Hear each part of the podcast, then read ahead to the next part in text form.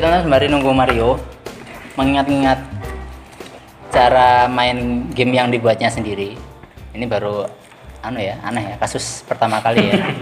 Orang buat game lupa cara mainnya. Saya nggak apa ya, mungkin itu prosesnya Mario seperti itu.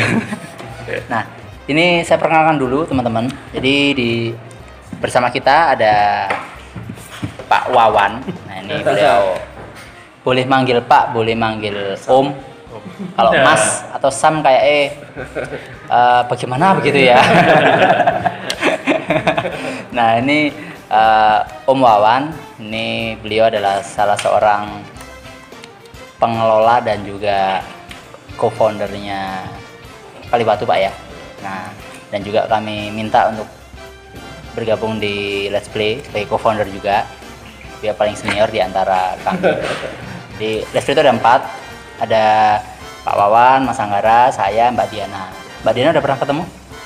Belum ya? Nah, nanti harusnya gabung hari ini tapi nggak tahu sempet nggak. Nah, lalu ada Mas Anggara yang sebelah situ baju merah, gitu ya. Jangan sampai lolos. Jangan sampai lolos ya. Nah, juga sama co-founder dari Kaliwatu dan co-founder Let's Play. Nah, hari ini kita akan discuss tentang sebenarnya materinya adalah game, des- eh, game design. Nah, tapi sebelum masuk ke sana itu kita akan bahas atau kita akan ngobrol. Nah, ini obrolannya temanya adalah founder talk. Pembicaraan dengan founder ini ya. Nah, hari ini kita akan ngobrol terkait biar teman-teman paham nanti apa yang akan dikerjakan, lalu apa sih itu let's play dan mengapa kami bentuk. Seperti itu ya, biar nanti pemahamannya utuh. Karena selama ini kan ketemunya sama saya rata-rata ya. Nah, tapi sekarang bisa ketemu dengan beliau-beliau yang luar biasa hebat Wah, dan biasa di luar kalau Pak Wawan. Nah, ini ya. Nah, ini founder dari Kaliwatu Learning Center dan sekarang ada yang namanya Inspiro, Pak ya. Itu untuk indoor ya. Nah, Justru high impact. High impact. Kayak gini. Oke. Nah, nanti kita akan ngobrol uh, tentang mengapa kita buat let's play biar teman-teman punya pemahaman utuh, gitu ya. Nah, oke kita dari Mas Anggara dulu deh. Atau dari Pak Wawan aja dulu. Iya, yang lebih sendiri ya. Terima kasih, terima kasih Mas Arif. Pak Wawan, nah ini kita ingin tahu pertanyaan mudahnya adalah mengapa Om Wawan eh, istilahnya apa ya, berminat ya, berminat eh, dengan Let's Play atau akhirnya menjadi co-founder Let's Play. Alasannya kenapa Pak? Monggo. Terima kasih Mas Arif. Pertama-tama eh, dari pergaulan ya teman-teman Mas Arif, Mas Anggana yang keren. Pergaulan Eh, pergaulan sebebas merpati. keren. Ternyata eh, permainan ini bisa dimainin kalau secara milenial kan mereka yang buat teman-teman, tapi pemakainya kan teman-teman kolonial ini. yang punya duit dan mesti akan berkolaborasi dengan teman-teman milenial untuk mainin ternyata eh, teman-teman Let's Play ini keren. Ada kalau motivasi kita sih di Let's Play itu nggak sekedar main-main, tapi ya, permainan ini bisa dimainin dan bisa dijual eh, ke teman-teman corporate khususnya ke dinas, ke komunitas. Artinya eh, Let's Play ini bukan sekedar main-main, ayo kita bermain permainan yang keren yang membawa eh, kita nggak hanya langsung nggak hanya diskusi hanya ini langsung praktek di sini permainannya ada di, di meja kecil ini tapi ke depannya untuk corporate secara global secara makro itu aja Mas Arif Oke. Keren. Makasih. Nah, Kak Mas Anggara. Ini obrolan kita internal, tapi boleh di-share ke teman-teman biar nanti uh, visinya uh, tahu kenapa kita membuat let's play di awal. Oke, satu hal yang pasti eh, ini adalah sesuatu yang kekinian.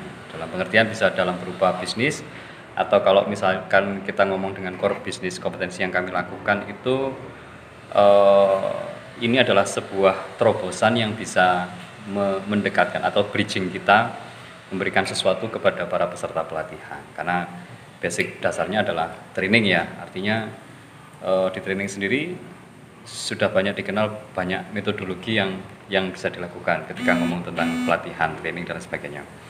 salah satunya yang kita rasa sekarang ini mungkin masih belum terlalu ini ya belum terlalu hype belum, belum terlalu banyak dilakukan tapi yang pasti ini adalah bisnis masa depan yang pasti atau metodologi masa depan yang uh, saya kira bisa sangat efektif untuk menjangkau khususnya pasar-pasar milenial dalam pengertiannya ya bisa anak-anak muda zaman sekarang gitu ya kalau ini kan anak muda zaman no. kolonial gitu pak ya tadi nah Artinya semakin ke sini eh, pelatihan-pelatihan yang biasa dilakukan oleh beberapa pelaku training itu sudah tidak kompatibel dengan kondisi yang sekarang.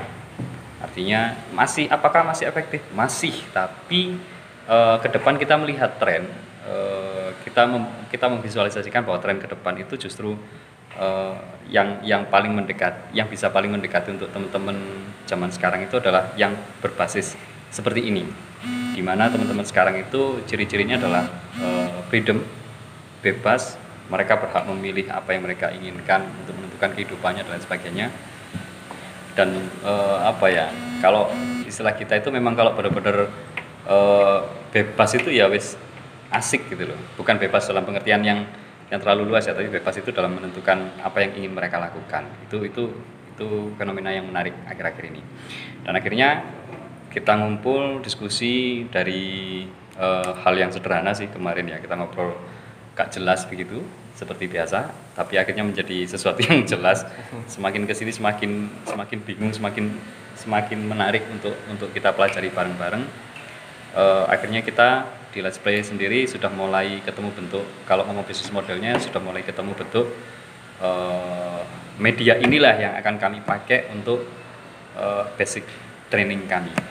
Artinya dengan pendekatan melalui board games ini uh, kita bisa menjangkau pasar kami nantinya yaitu teman-teman milenial. Karena semakin ke sini banyak perusahaan-perusahaan yang memang uh, handling itu baik anak-anak muda operatingnya ownernya wis mulai anak muda terus pegawainya anak muda dan rules rulesnya di perusahaan itu pun juga benar-benar anak muda banget. Jadi uh, pendekatannya pun akan sangat beda dengan pegawai-pegawai zaman dulu. Nah kami berharap dengan kita menggunakan media board games ini bisa membuat teman-teman itu tidak merasa mereka sedang uh, uh, belajar gitu ya.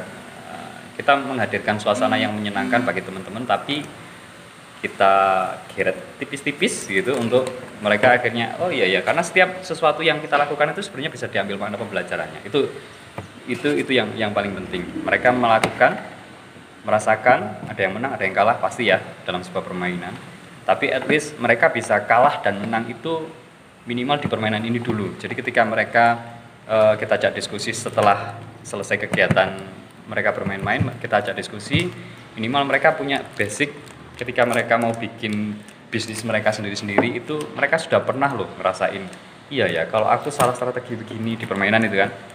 Kita korelasikan dengan dunia nyata misalnya mereka mau bikin bisnis baru itu ketika mau mereka melakukan ini nanti pada saat mereka menjalani bisnisnya oh nggak bisa seperti itu aku dulu pernah mainan uh, seperti itu itu hasilnya pasti begini. Itu itu mereka sudah bisa memprediksi karena uh, game based learning ini uh, salah satu pendekatannya memang benar-benar experiential learning. Jadi mereka benar-benar merasakannya sendiri gitu kan. Setelah merasakan sendiri tinggal kita sebagai uh, apa uh, fasilitatornya tugas kita juga bukan hal yang mudah sebenarnya. Tapi tugas kita itu benar-benar harus bisa e, mengkorelasikan antara permainan ini dengan dunia nyatanya mereka para peserta.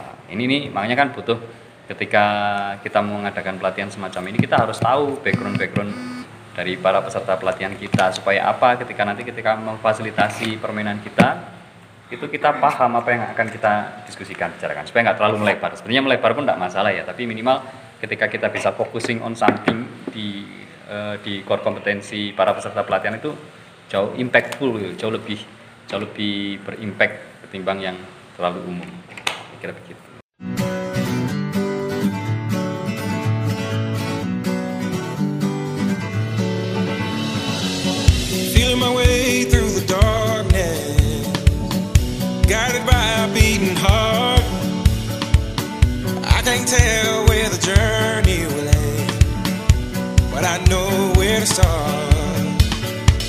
They tell me I'm too young to understand. They say I'm caught up in a dream. Well, life will pass me by if I don't open up my eyes. So that's fine by me.